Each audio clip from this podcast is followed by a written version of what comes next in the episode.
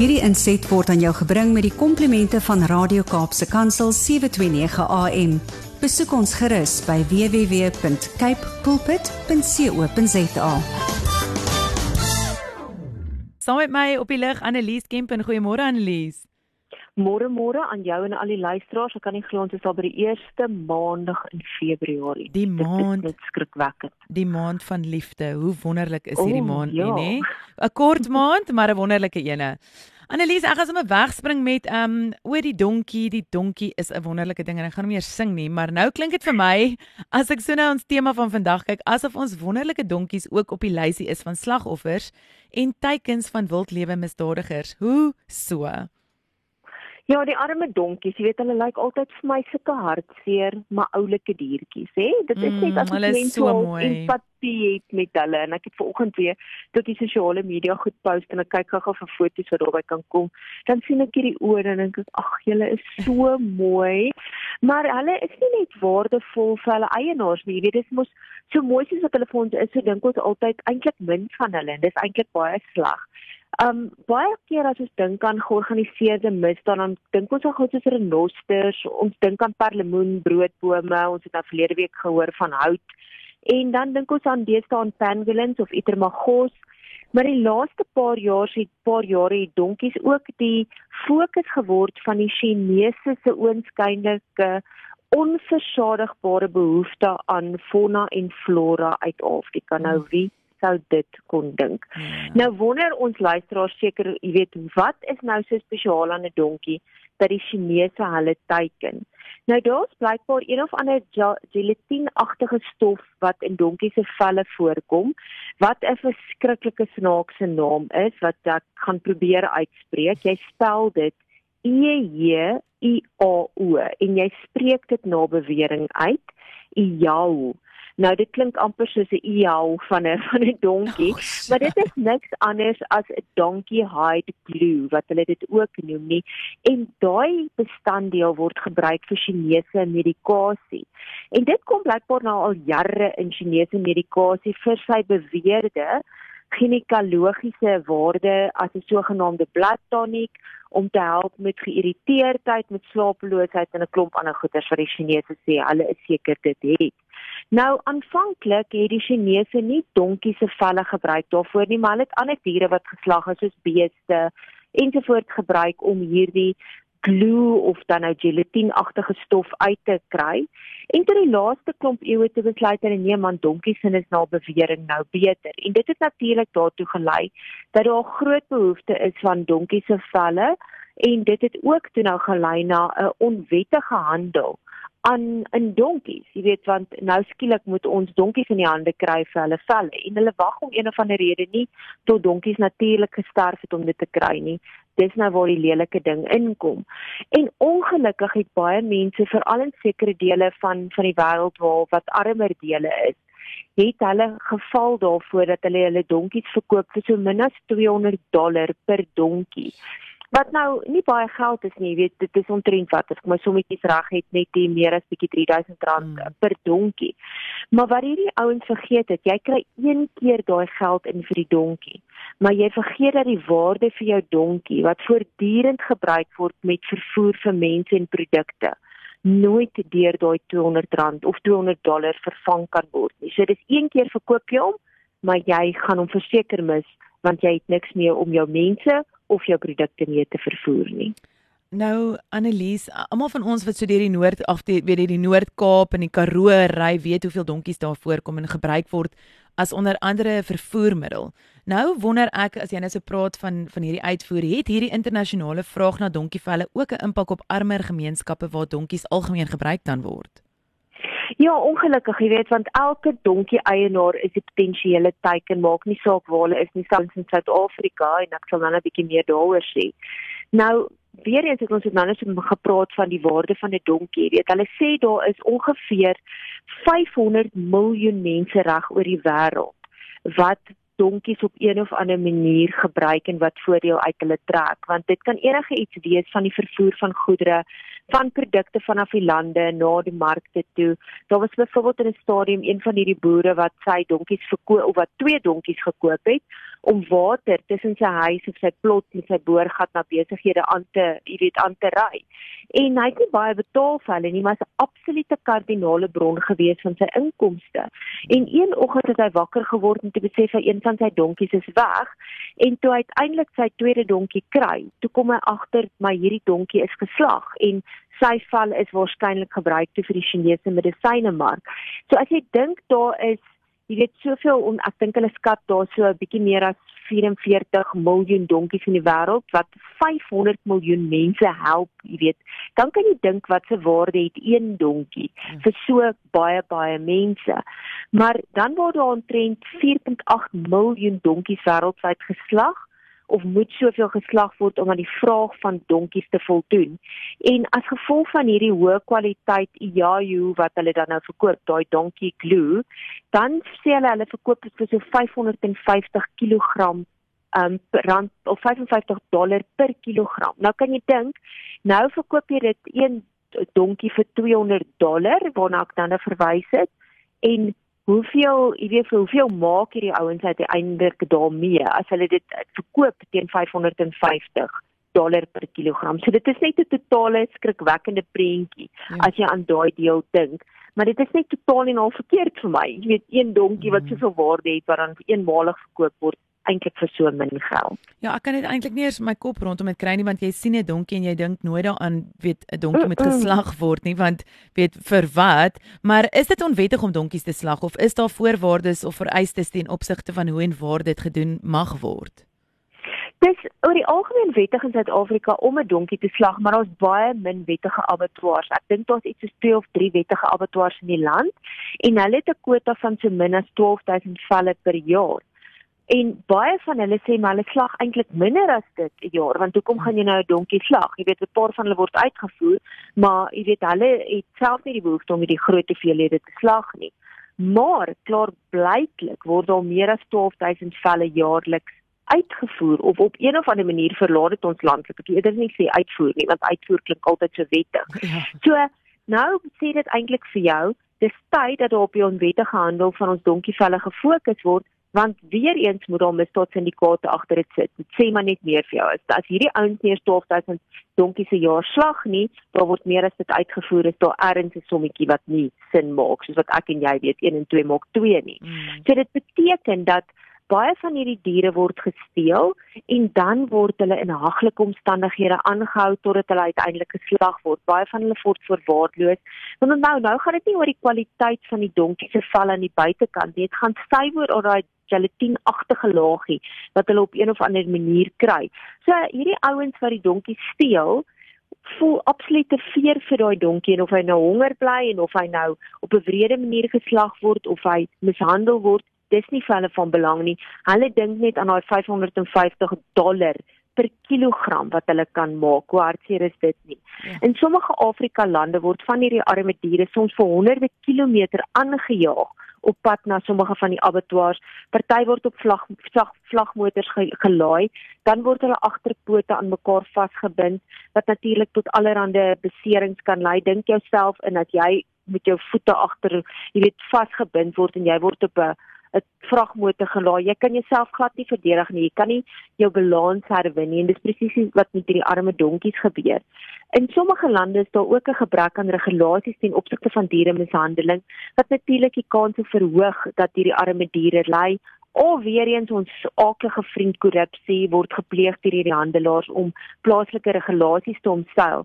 Nou verlede jaar in 'n stadium en ek kan nie eens eintlik onthou of dit vreeslik nuus gemaak het nie, maar my my kollega Kotie het toe sy hierdie artikel geskryf het, het sy daarop agter afgekom. Het 'n klomp polisiemanne en verkeersbeamptes 'n vragmotor naby Mooirivier in KwaZulu-Natal gestop en behalwe vir die onwettige immigrante wat hulle in die vragmotor gekry het, was daar 120 donkies in die vragmotor wat blykbaar op pad was Lesotho toe. Um waar die donkies geslag sou word vir hulle vel en nou gelukkig het hierdie klomp polisman en verkeersbeamptes hierdie vragmotor gestop.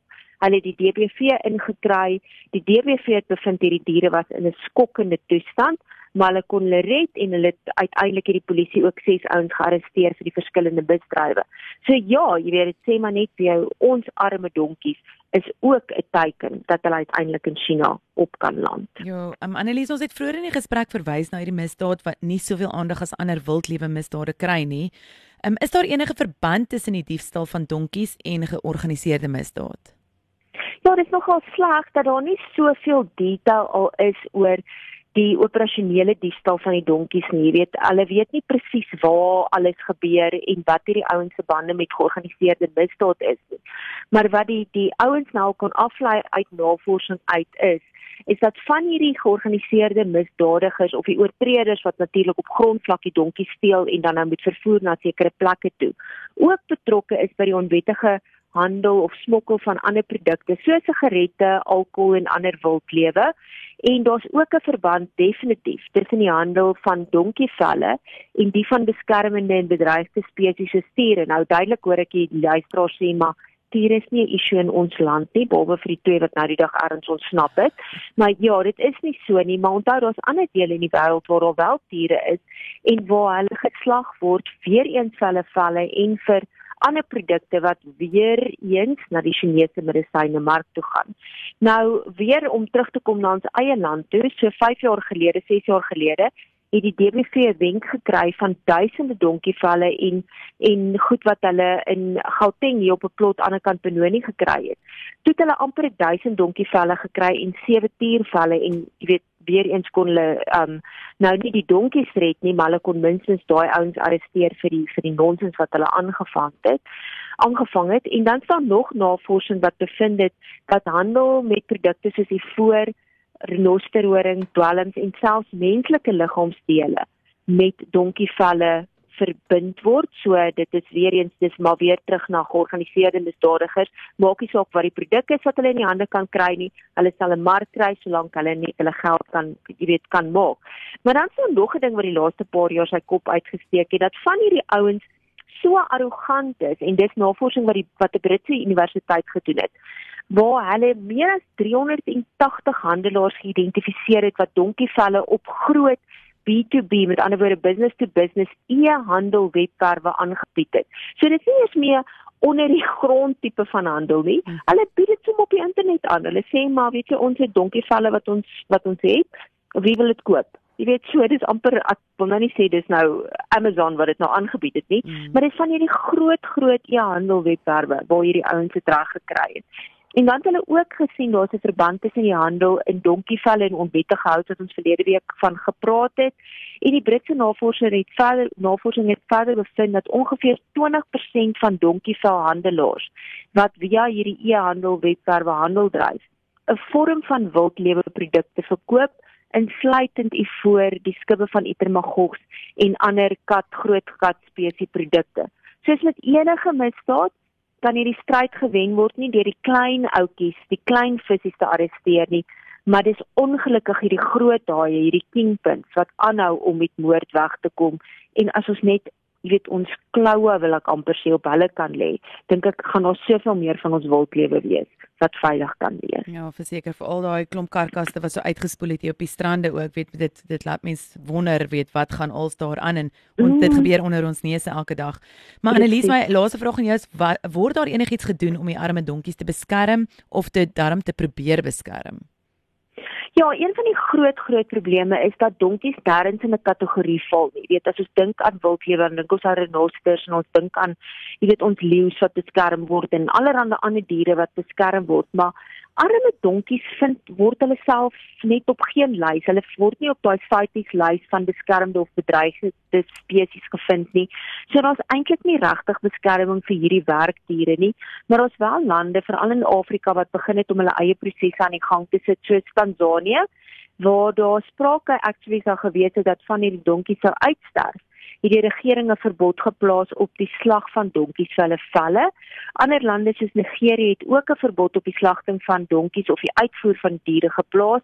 Maar die probleem kom in dat enige ou wat bietjie verder lees as net wat in hulle eie land aangaan, sal sien wat se houvas het China al op baie lande se ekonomie met groot beleggings wat hulle maak in die infrastruktuur. En daarom is dit vir baie van hierdie ouens baie moeilik jy weet om standpunt in te neem waarvoor daar 'n mark in China is. Want dit kan uiteindelik ten koste wees van die ekonomiese ontwikkeling. Nou sê hulle, okay, maar gaan ons wilklewe die swaarste weeg of ons ekonomiese ontwikkeling met infrastruktuur. So dis amper asof jy jouself verloon, jou land met sy wilklewe wat Afrika so bekend voor is jy weet ter wille van ander plekke waar daai lande in jy weet in um, investeer in die infrastruktuur. So dis baie baie sleg. So die lankens en die kort is dat alle lande hulle regulasies ten opsigte van die uitvoer van donkievelle moet herondersoek as ons nog enigstens donkies wil oor hê. En onthou weer wat ek in die begin gesê het, 500 miljoen mense in die wêreld het 'n waarde aan donkies, aan iets soos tussen 40 en 45 miljoen donkies. So dis 'n noodsaaklikheid vir baie van ons armer mense. Dis 'n lewensaar as 'n werkdier en 'n vervoermiddel. So al wat ek vir ons luisteraars kan sê is as jy ooit weet van iemand wat donkie slag vir valle wat uitgevoer word, kontak asseblief jou plaaslike DBV. Hulle het 'n hele projekspan amper wat daarop werk. En as jy nie weet waar om hulle te kry nie, gaan na www www.nspci so dit gaan vir national uh, spci.co.za en hulle jy weet hulle kan daar gekontak kontak word. Jou plaaslike DBV se nommer is daar sowel as die nasionale uh, inspekteurs wat al hierdie wildlewe misdade ondersoek. Nspci www.co.za. Dis Annelies, ek meen die intense ondersoek wat julle doen met al hierdie goedjies om by 'n donkie uit te kom. Dankie vir julle harde werk. en um, dit is dit dit moet dit begin by ons. Ons moet ehm um, weet verantwoordelikheid vat vir dit wat die Here vir ons gegee het om ook ehm um, weet oor te sien en 'n donkie is een van daai dinge en hy's so 'n mm. spesiale dier. Ehm um, daar's 'n rede dat Jesus hom ook gekies het om op hom te ry. So dankie, dankie vir dit wat jy vir my ook vanoggend gebring het. Waar kan mense jou in die hande kry? Die maklike plek is natuurlik ons webwerf www.servamus.co.za of jy kry ons op sosiale media op Facebook, Twitter, Instagram, uh wat staan nog? Jy weet dis mos maar die drie grootes wat ja. ons gebruik. Ja, maar op ons webwerf is al ons kontakbesonderhede as jy met my spesifiek wil praat of as jy my vir my e-pos wil stuur. Ja. Of natuurlik wil inteken asseblief ons intekenvorms is ook op ons webwerf. Natuurlik, jy kan 'n harde kopie by hulle inteken voor of 'n aanlyn um tydskrif wat jy maandeliks kan kry en dit is 'n propvol definitief waarde vir geld um uh tydskrif. So asseblief kyk hoe jy daarby ingeskakel kan kom. Ek herhaal Servamus S E R V A M I S. Um Annelies, dankie. Ek sien uit om te hoor waaroor ons volgende week kyk as ons by Avos, ons by bome, ons by donkies. Ek is bang om te hoor wat ons volgende gesprek is, maar so nodig om te hoor. Volgende week TV praat ons bietjie oor rekenaars en fake vir die ouens wat al daarvan gehoor het of oh, nog nie daarvan gehoor het nie. So ons los nou bietjie ons ons diertjies en ons plantjies eenkant en ons gaan dat die die mens, the people, soos wat ons die naweek gespot het en gesê het met wat hulle alles aanvang saam met rekenaars en deep learning en al daai goed. So vir die Afrikaanse toeriste met my volgende week vergewe want ek gaan bietjie Engels moet praat. So. Dis 100%. Ek sien don't know. Dankie Annelies vir jou harde werk en ons praat vinnig weer. Mooi bly lekker weer. Dankie tata. Hierdie inset was aan jou gebring met die komplimente van Radio Kaapse Kansel 729 AM. Besoek ons gerus by www.cape pulpit.co.za.